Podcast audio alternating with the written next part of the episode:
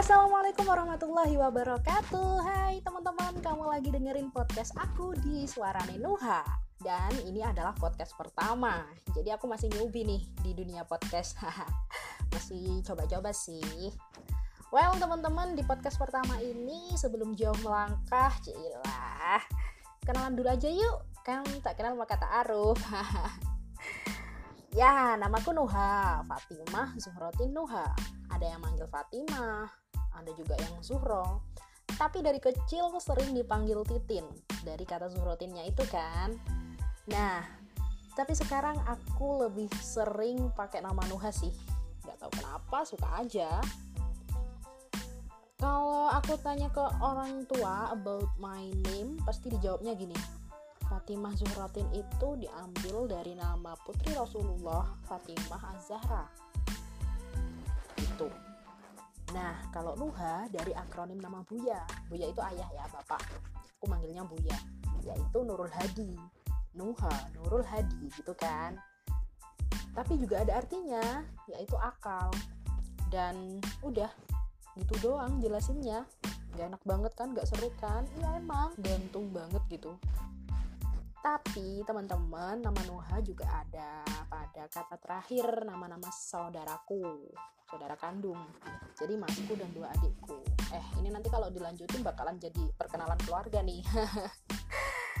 nah teman-teman, jadi nggak tahu kenapa ya akhir-akhir ini tuh beberapa hari terakhir ini selalu kepikiran pengen bikin podcast. Ya mungkin semacam kangen siaran radio kali ya soalnya dulu waktu kuliah sering nangkring di lab radionya fakultas sih. Tapi lulus kuliah bukannya dilanjutin siaran radionya buat ngelamar-ngelamar kerja di radio-radio gitu. Eh malah milih kerja di rumah aja.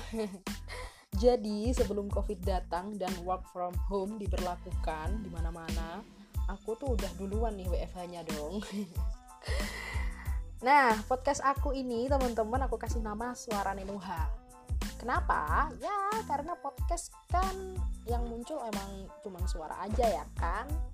Terus tiba-tiba muncul di otak buat jadi nama podcast ini yaitu ya Suara Nenuha yang artinya suaranya Nuha dari bahasa Jawa kan. Su suara ne, ne itu kan uh, bermakna mempunyai kepunyaan gitu.